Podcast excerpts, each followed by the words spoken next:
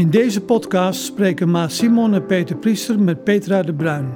Petra is bestuurder en toezichthouder bij verschillende pensioenfondsen en specialist in CAO-onderhandeling. Het onderwerp is governance. Welke invloed heeft de WTP op de huidige bestuursmodellen? Wat verandert er in rollen en taken van de verschillende stakeholders? Hoe ziet de toekomst van pensioenfondsbestuur eruit? Petra, van harte welkom bij deze podcast uh, vanuit Judo. Uh, we zijn op, in een druk stadium als het gaat om WTP met de implementatie vanuit de verschillende fondsen.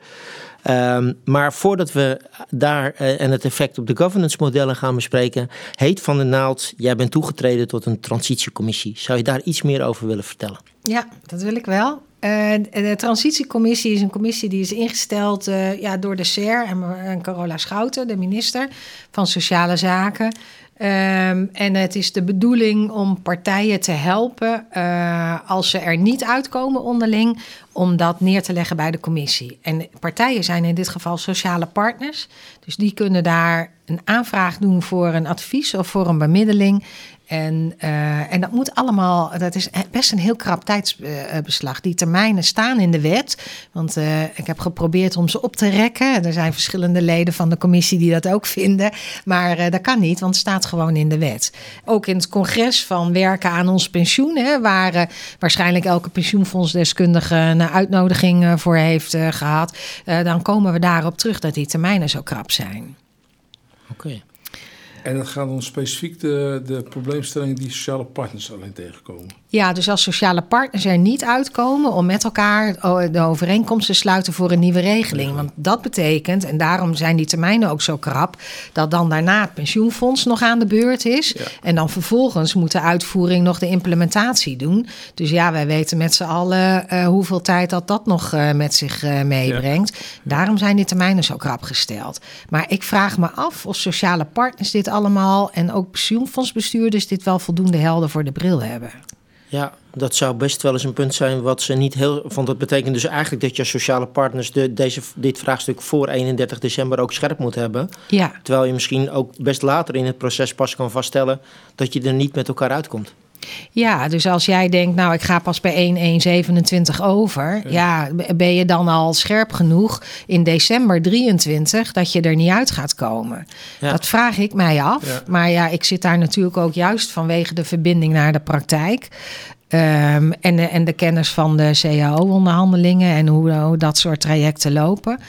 Um, ja, maar, maar dit is wel hoe het in de wet staat. Oké. Okay. Nou goed om deze actualiteit even uh, in dit verband zo aan te snijden. En het ja. feit dat voor sociale partners dus van belang is om hier tijdig over aan de, aan de bel te trekken. Misschien dan goed om uh, hè, van buiten uh, uh, deze commissie, die dan wat meer ziet op sociale partners, zijn we natuurlijk ook druk in de transitie. En eigenlijk het vraagstuk wat wij gewoon eens wilden bespreken: hoe kijk je nou naar de invloed van het WTP op ook de governance modellen zoals die op dit moment van toepassing zijn? Uh, en eigenlijk de eerste vraag is: welke verandering zou jij zien in de werking van, van de governance van pensioenfondsen door WTP? Ja, dat is een beetje hoe je governance definieert. En daar heb ik eerst maar even de definitie opgezocht voor jullie, uh, hier in de voorbereiding hiervan. Want uh, het gaat over het besturen, dus het aansturen van zo'n fonds.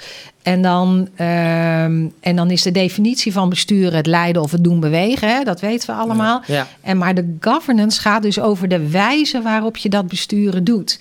En de beheersing van macht, dat zit erin. Hè? Dus, dus de wijze waarin je die aansturing doet en de beheersen van de macht.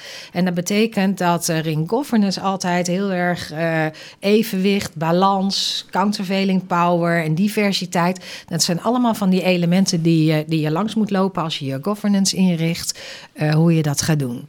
Nou, wij kennen de governance modellen. Dat zijn vastgestelde modellen ja. die, uh, nou, die lijken een beetje op wat er in het bedrijfsleven zijn. Het is niet helemaal vergelijkbaar, want de rol van de Raad van Toezicht, zoals wij die kennen, die lijkt niet op de rol van de Raad van Commissarissen, want die is veel beperkter. Ja, de rol van het verantwoordingsorgaan is daarentegen veel ruimer dan de rol van de OR, of op een andere manier. Ja. Uh, dus dat, uh, dat maakt het wat anders.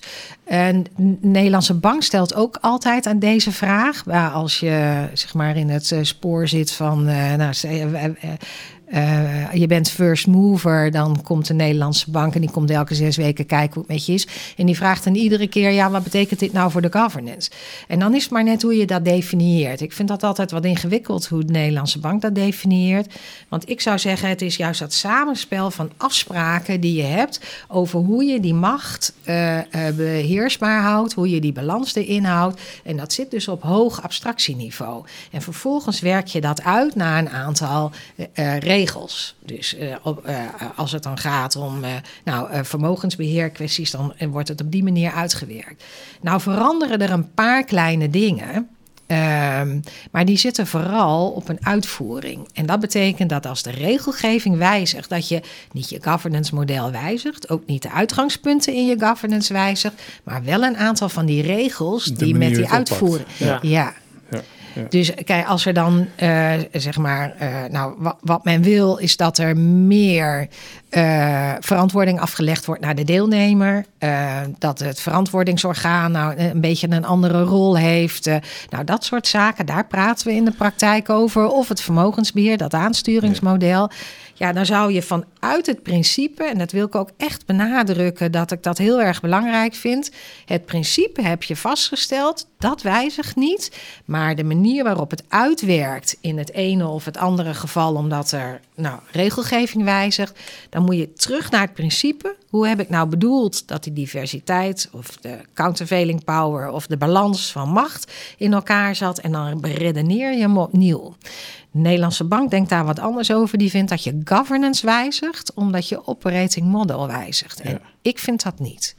Dus daar heb ik ook discussie over met de Nederlandse bank. Maar goed, je ziet natuurlijk wel in die, in die hele discussie. En als ik kijk naar de uh, uh, IOP 2, waar een aantal dingen, waar modellen werden geïntroduceerd die op een bepaalde manier uh, de, de, de taken en rollen verdeelden, om het zo maar even te formuleren. Uh, dat was in een tamelijk stabiele situatie, hè, waarin je dacht van nou oké, okay, uh, je, je kunt kiezen en we kijken hoe het loopt. Nu zie je toch ook dat aan de, aan de, de, maatschappelijke kant een aantal dingen veranderen. Zeker. Waardoor je misschien toch moet nadenken over de governance, de uitgangspunten die je daarbij hanteert en op welke manier je dat kunt vormgeven in je pensioenbestuur. Nou ja, maar dat is de algemene maatschappelijke trend. En ja. uh, ik ben voorzitter van een pensioenfonds wat het omgekeerd gemengd model uh, ja. hanteert. Uh, um, ik, ik, ik, ben ook een groot fan van dat model. maar toen wij voor het eerst overgingen, toen zei iemand van de Nederlandse bank tegen ons: Ja, eigenlijk is dit een beetje gek, want het is een heel zakelijk model, zo'n omgekeerd gemengd model, in een niet zo zakelijke omgeving. En ondertussen denk ik dat die omgeving heel erg veranderd is. Dus ik denk eerder dat als je kijkt naar paritaire modellen, dat die heel goed moeten kijken of dat die binnen dat paritaire model, die uitgangspunten zoals die voor dat model gelden, of ze die nog voldoende kunnen toepassen met al die nieuwe uh, eisen die er gesteld worden. Waar zie je dan met name die verandering, of de, waardoor je echt deze fundamentele discussie moet voeren binnen het fonds? Ja, ik zie hem vooral heel erg op maatschappelijke verantwoording. De maatschappij is anders geworden. De maatschappij vraagt erom dat je uh, veel meer uh, verantwoording aflegt naar buiten toe over niet alleen wat je hebt gedaan, maar waarom je het hebt gedaan en hoe je, het, hebt gedaan. Ja. En dat is wel echt een wijziging. Als je ook kijkt naar het uh, WOP, dat heet tegenwoordig WOO, geloof ik. Hè? Dan uh, uh, dat vonden we echt heel raar in het begin. Dat je zo, dat kon opvragen wat de ja. notulen waren en dat soort zaken. Ja, dat heeft wel echt een vlucht genomen. Nu wordt het heel vaak opgevraagd. Vraag maar eens aan de ministeries. Ja. Want die kunnen dan weer duizenden pagina's doorploegen. Dus daar is echt wel een verandering. En ik denk dat pensioenfondsen, waarbij je belangrijkste klant de deelnemer is, dus het publiek, de mensen waarvoor je het doet, ja, dat je, daar kom je er niet onder, onderuit. Uh, met de huidige discussie over evenwicht en generaties, ja, zal je dit heel goed moeten doen. Ja. Maar jij geeft aan, hè, dus in dat paritaire model zou de, uh, de bestuur nog eens goed moeten nadenken over hoe dat krachtige veld gewijzigd is. Zou je dat voor mij nog iets specifieker kunnen maken? Van waar zit dan de delta in ten opzichte van de huidige situatie buiten de transparantie? Dus het paritair model zie je iets meer de vertegenwoordiging van sociale partners in het bestuur. In een omgekeerd gemengd model zit dat vooral in het niet-uitvoerend deel. Waar zit voor jou die, die transparantie en, en, en, de verandering daarin? Dat heb ik nog niet helemaal scherp. Ja, op het gevaar af dat elke situatie wordt natuurlijk gevormd door mensen met bepaalde competenties. En dan sleutel je het daar weer op aan. Wat ik het uh, belangrijkste vind, is dat je uh, in een in uh, in paritair model moet je, ben je met z'n allen, is een collectief bestuur, ben je met z'n allen even verantwoordelijk. Dus je moet met z'n allen heel veel details doen. Uh, want anders dan werkt het gewoon niet goed. Bij, en de wereld wordt best ingewikkeld. En de regelgeving wordt steeds complexer. Waar wij, toen ik ooit nog begon, met, de, meer dan twintig jaar geleden, ik durf niet te zeggen hoeveel, meer dan twintig jaar geleden. We vragen er niet uh, naar. Nee, precies. Met pensioenen had je maar een paar wetten. En tegenwoordig zijn er, uh, ik, ik, weet niet hoeveel wetten die van toepassing zijn op pensioenen. En hebben we het nog niet eens gehad over verantwoord beleggen. Dat betekent al dat je dat gewoon niet allemaal meer bij kan houden als bestuurder. Dus moet je naar taakverdeling. En dat betekent ook al dat je niet meer echt in die zin een collectief bestuur kan zijn, waarbij je altijd met z'n allen overal van af weet. Maar dat je moet naar taakverdeling en dat je ook moet naar een aantal mensen die wat dichter op die uitvoering zitten, die dat specifiek als taak hebben en daarover rapporteren. En dan, dat is het één, dus, dus de taakverdeling. Maar dan hou je ook de tijd over in het bestuur om strategische kwesties te doen. Minstens zo belangrijk. En het andere is dat ik denk dat sociale partners veel beter hun ehm, bestuur gevuld krijgen als het uh, een omgekeerd gemengd model bijvoorbeeld, maar dus niet een paritair model is. Want dat betekent dat je namelijk op een uh, uh, op een wat meer hoofdlijnenniveau uh, toch vertegenwoordigd blijft in het bestuur. In plaats van dat je overal professionele bestuurders krijgt, waarbij maar de vraag is wat hun kennis en uh, connectie met de branche is. Want je ziet dat zowel aan werkgevers als aan werknemerszijde. Um, de bestuurders wijzigen van mensen die de hele dag CAO-onderhandelingen deden en in die bedrijfstak rondliepen, zijn dat nu allemaal professionele bestuurders geworden, zeker aan werknemerszijde. En werkgevers hebben moeite om die ene. Uh, vermogensbeheerder te vinden. Vermogensbeheerder te vinden die tegelijkertijd directeur is in een, een van hun bedrijven. En dan krijg je dus professionals. En dan moet je je afvragen: wat is nou het belang van je vertegenwoordiging als sociale partner in zo'n bestuur? Maar dan zou je bijna zeggen dat je toegroeit naar een deskundige model. Ja, dat kan dan, ook. Dan je kijkt dat je de paritair, dat je het omgekeerd gemeen model als een soort van tussenvorm ziet. Hè? Uh, om, om nou ja, ieder zijn plek te geven in het huidige tijdsgevricht, maar dat je eigenlijk toegroeit naar een model waar je uh, belanghebbenden hebt die inderdaad vertegenwoordigd vanuit die oude nou, zuilen zou ik bijna zeggen. En dat je een aantal deskundigen neerzet die dat voor jou uh, um, uitvoeren. Ja, dat kan, maar dan sta je er wel weer veel verder vanaf. Ja. Als je, als ze, daarom zeg ik, sociale partners moeten ook echt die keuze maken. Ja. Wat is nou de mate van betrokkenheid die ik wil behouden bij een fonds? En, dat, en mijn opvatting is dat het niet per definitie in het paritaire model het beste geborgd is. Maar juist doordat je dan wel die combinatie kan maken, je zit. Uh, uh, je, je, doet meer de grotere lijnen. Je hoeft niet al die details te weten ja. als nummer. Uh, moet, ja, zou je dat toch nog eens kunnen overwegen of dat niet voldoet daaraan? En als je uh, naar een deskundige model gaat, sta je veel verder op afstand. Dan heb je wel weer een belanghebbende ja. orgaan met grotere bevoegdheden. Ja. Dat is dan wel weer het voordeel. Maar dan toch, dan, dan kom je toch nog maar zes keer per jaar bij elkaar. Uh, en dan blijf je dus wel veel afstand houden. Is het dan nog van jou? Maar als je ja, dan naar het omgekeerd gemengd model kijkt, van, dan hoor ik je eigenlijk zeggen dat die niet uitvoerend bestuurders dan wel de kennis van de sector zouden moeten dragen. Wil je daar op een goede manier invulling aan geven? Of, of haal ik dat verkeerd uit jouw woorden? Dus is, dan sect, is, is het feit dat bijvoorbeeld vakbonden ook wel kiezen voor professionele bestuurders, die, die toch relatief los staan van de sectoren waar ze in zitten, vind je dat dan de goede ontwikkeling? Of zeg je uh, dat, dat zou ik belangrijk vinden dat mensen nog wel met de poten in de klei staan, om het zo maar even te zeggen, en die sector goed kennen? Nou ja, ik vind wel belangrijk dat mensen die taal blijven spreken van die deelnemer. Want die hebben wij wel Ja. georganiseerd in het verantwoordingsorgaan. Maar ik denk dat het heel goed is om je altijd, ook als bestuurder, te blijven realiseren voor wie dat je het doet. En dat je weet welke mensen dat er in je sector werken. En, dat, eh, en dan hoef je echt niet eh, eh, vijf dagen in de week in de sector te werken. Maar je zal wel met enige regelmaat bij zo'n bedrijf op bezoek moeten gaan. En je zal af en toe met mensen moeten praten om een beetje voeling te houden met hoe zat het ook alweer? Wat voor type mensen zijn dat? Ja. Jij zat het over balans, hè, over rollen en taken. Eh, in het omgekeerd gemengd model zie je dat eh, de nubbers eh, ook een toezichttaak hebben. Ja, Ehm, en ja, mijn ervaring van de afgelopen periode is wel dat het, dat, dat toezicht houden en het algemeen besturen, zal ik maar even zeggen, dat dat een heel dunne scheidslijn is om dat goed uit te kunnen voeren. En dat de neiging ontstaat om zich veel meer te richten op het toezicht dan op het feitelijk algemeen besturen. Herken je dat? Of zeg je van, nou, ik, ik stel als een van de Ik zie dat ook wel wisselend als ik even eh, Oh, eh, eh, daarop mag antwoorden.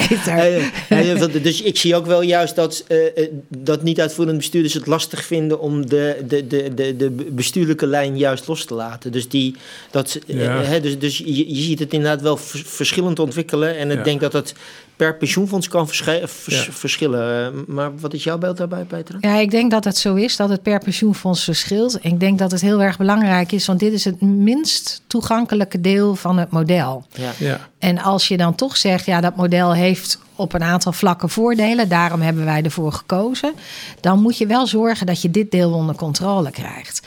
En dat betekent dat je heel regelmatig met elkaar hierover moet praten. Doen we het nu goed? Waar hebben we nou eh, de details eh, neergelegd? Zitten die in de portefeuille? Geen commissie meer, want ook Hè, dus wij noemen dat bij ook pensioen noemen we dat portefeuille. Het is maar net hoe je het noemt. Maar daar moeten de details plaatsvinden en de gesprek met de toezichthouder. Ja, je zal je moet toch af en toe moeten gedragen in je NUP-vergaderingen. Eh, eh, als een toezichthouder, meer als een lid van de Raad van Toezicht. En even weer afstand nemen van de dagelijkse praktijk. Maar ja, wij zijn honderden jaren Rijnlands opgevoed. En nou opeens Dat is klopt. dit Anglo-Saxische Ja. model. Dan Ja, dan kan je niet verwachten dat je dat binnen een jaar onder controle hebt. En ik hoor jou ook zeggen, Maas, dat je bij fondsen ook ziet dat inderdaad mensen zich echt eh, vooral als toezichthouder gaan gedragen. Nou, ook omdat, dat werd straks ook even gememoreerd, dat, dat die uitvoerend bestuurders natuurlijk aan de gang gaan met, het, eh, met het, eh, de regievoering op de beleidsuitvoering, om het zo maar even te zeggen. En ook veel eh, in de operationele onderdelen zitten. En daardoor ook ehm, vanuit hun mandaat soms beslissingen nemen die, ehm, die natuurlijk passend zijn binnen dat mandaat, maar die eigenlijk ook wel bestuurlijke context kennen. En dat mensen denken van, hebben wij dat besloten? Of hoe zat het nou precies? Of, dus dat die afstand eigenlijk groot wordt en we dan bijna automatisch in de toezichtstaak komt, omdat dat ja, te pakken is, toepasbaar is, maakt een plan, eh, loopt dat keurig af dat jaar en eh, dan zie je daar toch een, eh, een afstand ontstaan, om het zo maar te zeggen. Dat vind ik wel een van de aandachtspunten binnen het omgekeerd gemengd model. hè. Ja, dat kan denk ik ook goed. Maar dat betekent dat je ook heel goed met elkaar van tevoren moet afspreken waar het mandaat ligt voor Ja. die uitvoerend bestuurder. En eh, wij doen dat door middel van jaarplannen, waarin je met de portefeuille en de mensen, de nummers in de portefeuille afspreekt van wat is nou wat we willen bereiken. Hè? Dus eh, en waar willen we naartoe groeien over een x aantal jaren. En dan, dan als het goed is, zijn die keuzes die je dan maakt op, op, op onderdelen, zijn dan logisch. Omdat je die in de tijdspannen Ja. zet van waar wil je naartoe. Ja. Maar als je je laat drijven door de omstandigheden en je laat je drijven door de ad hoc zaken, ja, dan is onvoldoende geschikt voor een omgekeerd gemengd Ja. model. Mag ik nog vragen, o- Ja. vragen eigenlijk het aan de orde stellen? Als je kijkt naar, we hebben het over het ongeveerd me- gemengd model nu even gehad, maar Mhm. ehm, als ik kijk naar het paritair model, eh, daar zie je verschillende verschijningsvormen over toezicht. Hè. Je hebt visitatiecommissies, maar je hebt ook, raden van toezicht. Als je terugkijkt, zie je dat, of als je de wet bekijkt, zie je dat in het omgekeerd gemengd model eigenlijk weinig wordt gezegd over welke manier je dat moet gaan organiseren in het kader van WTP. Hè? Want eh, er wordt nog wat gevraagd van Ja. de raden van toezicht. Ja. Dat vind ik echt wel een knoop. Hè? Als ik denk, hoe gaan we dat nou in die, in die ehm, het omgekeerd gemengd model regelen. Terwijl het bij de, de, de, de, de Raden van Toezicht eigenlijk goed geregeld is. Hè. Daar zie je gewoon daar zie je dat er komt een normenkader. Een aantal Raden van Toezicht maken zelf kaders. Zeggen dit gaan we doen. Op bepaalde momenten moeten ze goedkeuring geven. Dat geldt natuurlijk ook voor de. Dat geldt ook voor geldt net zo, maar je ziet dat dat toch een andere dynamiek geeft dan een, een wat externe raad van toezicht, om het zo maar te zeggen. Ja, dat is ook zo. Het geeft ook een andere dynamiek. Dat is dus ook precies het verschil in die twee modellen. Ja. Het hoeft per se niet het een beter te zijn dan het ander. Hè? Of het een fout en het ander goed. Uh, maar je moet elkaar wel scherp houden dat je die functie. Uh, die, die zeg maar, want, want zo'n raad van toezicht heeft de functie van countervailing power, ja. dat je die goed blijft borgen. Want ja. anders dan hobbel je met z'n allen in dezelfde spoor mee. Dus je maar, moet af en toe even stilstaan bij wat hebben we nou gedaan. Laten we nog eens teruggaan naar de uitgangspunten, hè, want dat normenkader gaat daar meestal over. En uh, naar de evenwichtigheid en hebben we het dan goed gedaan. Maar volgens mij kun je, zou je wel kunnen zeggen dat door de positionering van de Raad van Toezicht het iets makkelijker is om op procesniveau ja. je toezichtsrol in te vullen. Terwijl je natuurlijk in, in de NUP-rol ook medebestuurder bent. Dus dat, daar zit denk ik wel in. in he, de, beide heeft voor- en nadelen. Maar de, daar, de Raad van Toezicht heeft het op dat punt iets overzichtelijker. Want je bent niet betrokken bij de inhoud van besluiten. Direct. Ja, wil, ja, makkelijker wil niet altijd zeggen beter. Nee, dat, dat is ook niet mijn claim. Maar nee. het is wel dat het daarmee... Maar het is wel duidelijk anders. Ja. Maar oké, okay, maar dat zijn in het paritair model heb je natuurlijk de, de RVT's, maar je hebt ook de, de visitatiecommissie. Ja. Nou, dat is echt voor mij een vreemde eend te bijten. Als je kijkt van, wat ga je daar nou mee doen? Wat voor tips kunnen we nou zo'n zo'n uh, visitatiecommissie of zo'n bestuur geven... die geen RVT heeft, maar een visitatiecommissie. Dus één keer per jaar komt daar iemand als een passant een uur of dertig uh, met elkaar praten en schrijven. Ja. En dan? Ja, nou, toevallig heb ik uh, de vraag gekregen, want ik doe nog steeds een aantal visitaties ja. elk jaar. Het worden er wel steeds minder. Ja. Uh, maar dat is logisch vanwege de, ja, de regelgeving zegt 1 miljard. Dus ja, dan, uh, zodra je daarboven. Da dat is wel een lastige nu met die visitatiecommissies. Die staan eigenlijk te veel op afstand ja. om dit hele traject. En zeker als je dat mee moet nemen in je reguliere traject, om dat uh, te doen. Dus de vraag kwam ook van, van zo'n fonds: van hebben jullie erover nagedacht? Uh, hoe, je dat, uh, uh, ja, hoe je dat wil gaan doen. Want daar heeft bij ons het VO ook over gevraagd. Nou, dat vond ik al heel slim van zo'n ja. VO. Ja, eigenlijk moet je daar een extra specifieke visitatie op doen. Dat je de extra traject, ja. denk ik, op zet. Want dat is te veel omvattend. En, je, en het zit waarschijnlijk ook net in een ander tijdsgevricht. Dus het komt er heel erg op aan dat voordat alles definitief is... dat je wel je visitatiecommissie dit ook hebt laten besluiten doen. Besluiten vinden vaak plaats voor 1-1-24. Precies. Dus, ja. Uh, ja, dus je moet en, wel. En de visitatiecommissie zit uh, vlak voor het jaarwerk. jaarwerk. Dus die zit in uh, maart, april. Ja. Maar hoe is dat eigenlijk? Want ik weet, weet ik oprecht niet. De RVT heeft natuurlijk een goedkeuringspositie, hè? ook rond WTP in bepaalde onderdelen van het proces.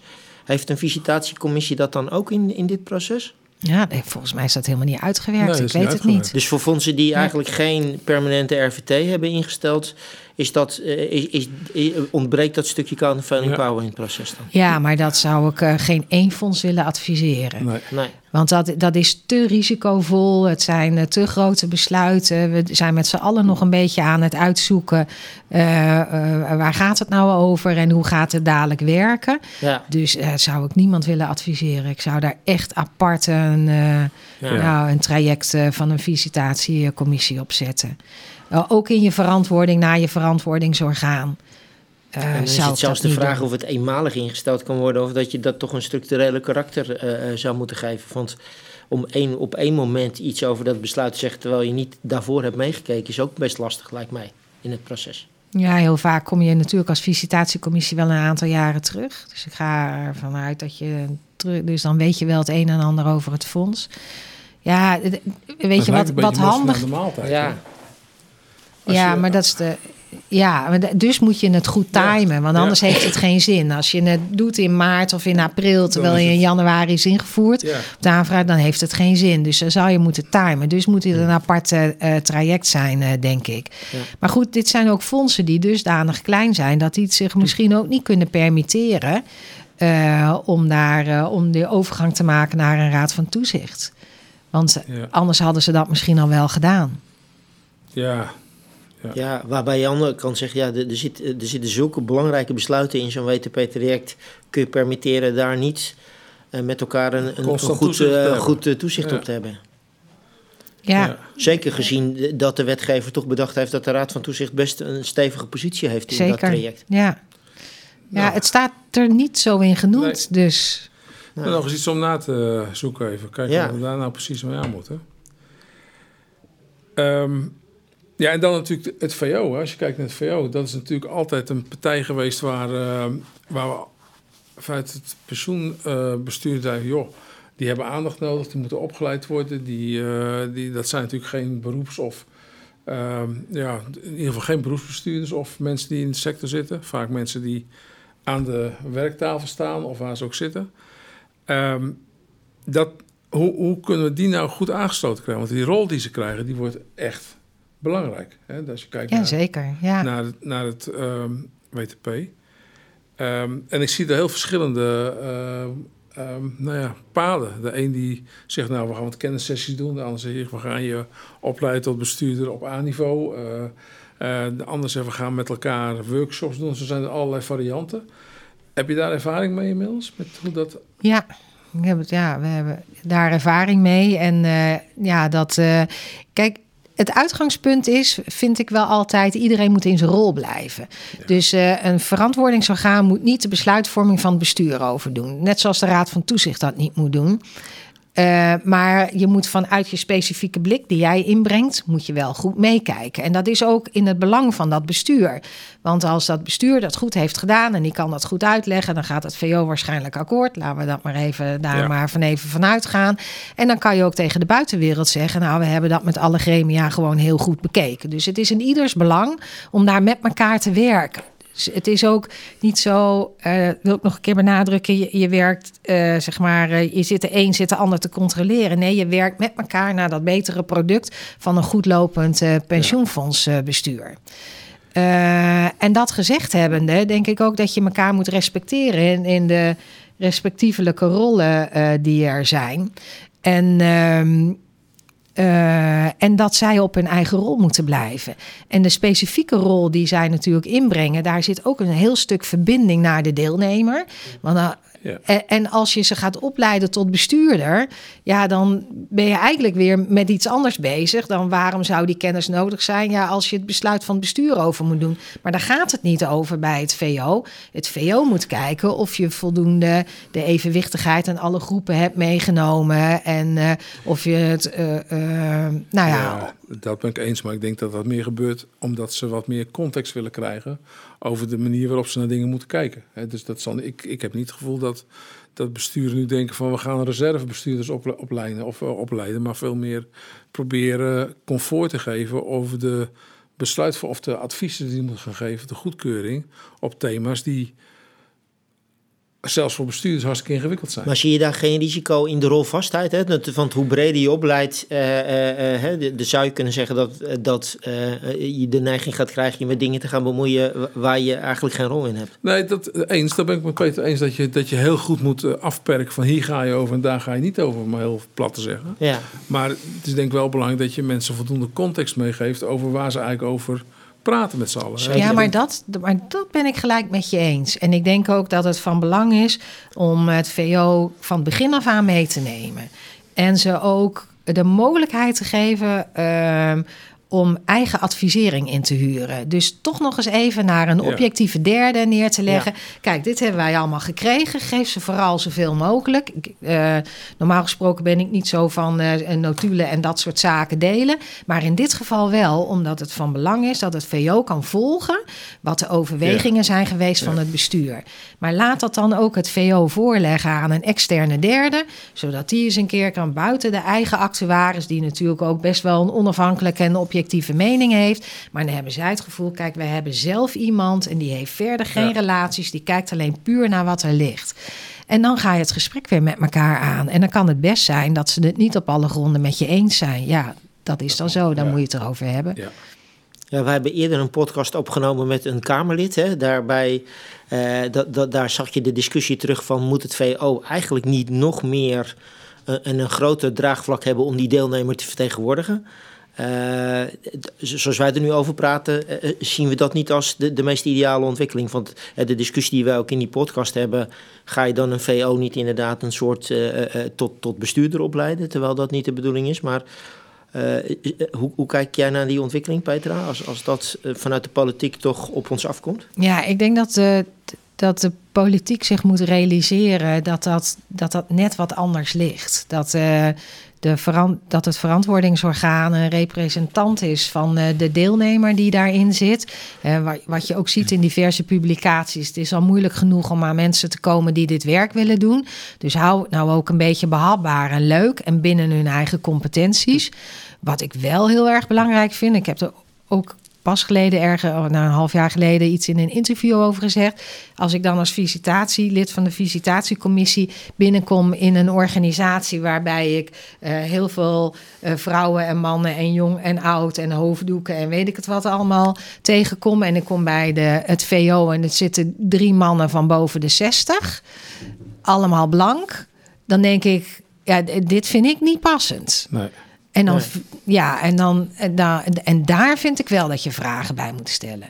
Ja. Ehm, want dan denk ik, ja, je, als je die, als je die, uh, die groep deelnemers wil vertegenwoordigen, dan moet je minimaal ook een klein beetje weten hoe het in elkaar zit. En misschien hebben ze zich wel heel goed georiënteerd en doe ik ze tekort. Dat zou best kunnen, maar ik denk dat het beter is om je ook dat te realiseren. Maar dat betekent dat je mensen moet trekken uh, die gewoon uh, in het werk staan en die helemaal geen zin hebben om twee dagen in de week iets te doen met pensioen. maar je wil ze wel enthousiast maken over waarom is het nou toch maatschappelijk enorm belangrijk om daarmee bezig te zijn. En dus moet je die, ja, die omvang en de scope van, van, dat vak, ja, van het vakgebied of van, van hun taak moet je behapbaar houden. Helder. De tijd vliegt. We moeten langzaam, denk ik, richting afronding. Ik zou toch nog één uh, belangrijke vraag uh, uh, willen stellen. Hoe, hoe, ziet wat jou betreft een pensioenfondsbestuur in 2035 eruit? Ja, dat had je gevraagd. Die vragen had je van tevoren doorgegeven. en, en toen dacht ik wel, nou, als het, en we komen een beetje terug aan het begin, als het complexer wordt, dan betekent het ook dat je meer experts en meer professionals nodig hebt. En als je het tempo ziet van de regelgeving die uh, op pensioenfondsbestuurders afkomt, dan kan je je bijna niet onttrekken aan het beeld dat er steeds meer professionals komen. En toch, eh, want ik ben ook wel echt, ook door mijn CAO-onderhandelingservaring, uh, uh, toch wel ook wel heel erg van pensioen is een belangrijke arbeidsvoorwaarde. Ja. en dat zou ik echt heel jammer vinden als die als die uitschakeling van die sociale partners daar plaatsvindt. Dus ik wil sociale partners ook met name oproepen om hier goed over na te blijven denken en zorgen dat ze de juiste mensen kunnen leveren, maar mede door na te denken over het model en het takenpakket van zo'n bestuurder. Ja. Nou, een hele heldere boodschap en huiswerk voor sociale partners, zou ik zeggen. Volgens mij zitten in deze podcast een aantal zaken die zeker nog om uitdieping vragen. Dus sluit niet uit dat we je graag nog een keertje terugvragen uh, als we ergens volgend jaar kijken uh, waar we staan uh, binnen dit model. Nou, dank voor je scherpe blik en je actuele blik op dit onderwerp. En nou, ik sluit hierbij graag af. We bedanken Petra de Bruin voor haar heldere visie op de ontwikkeling van governance. En natuurlijk alle luisteraars voor hun aandacht. Tot de volgende podcast.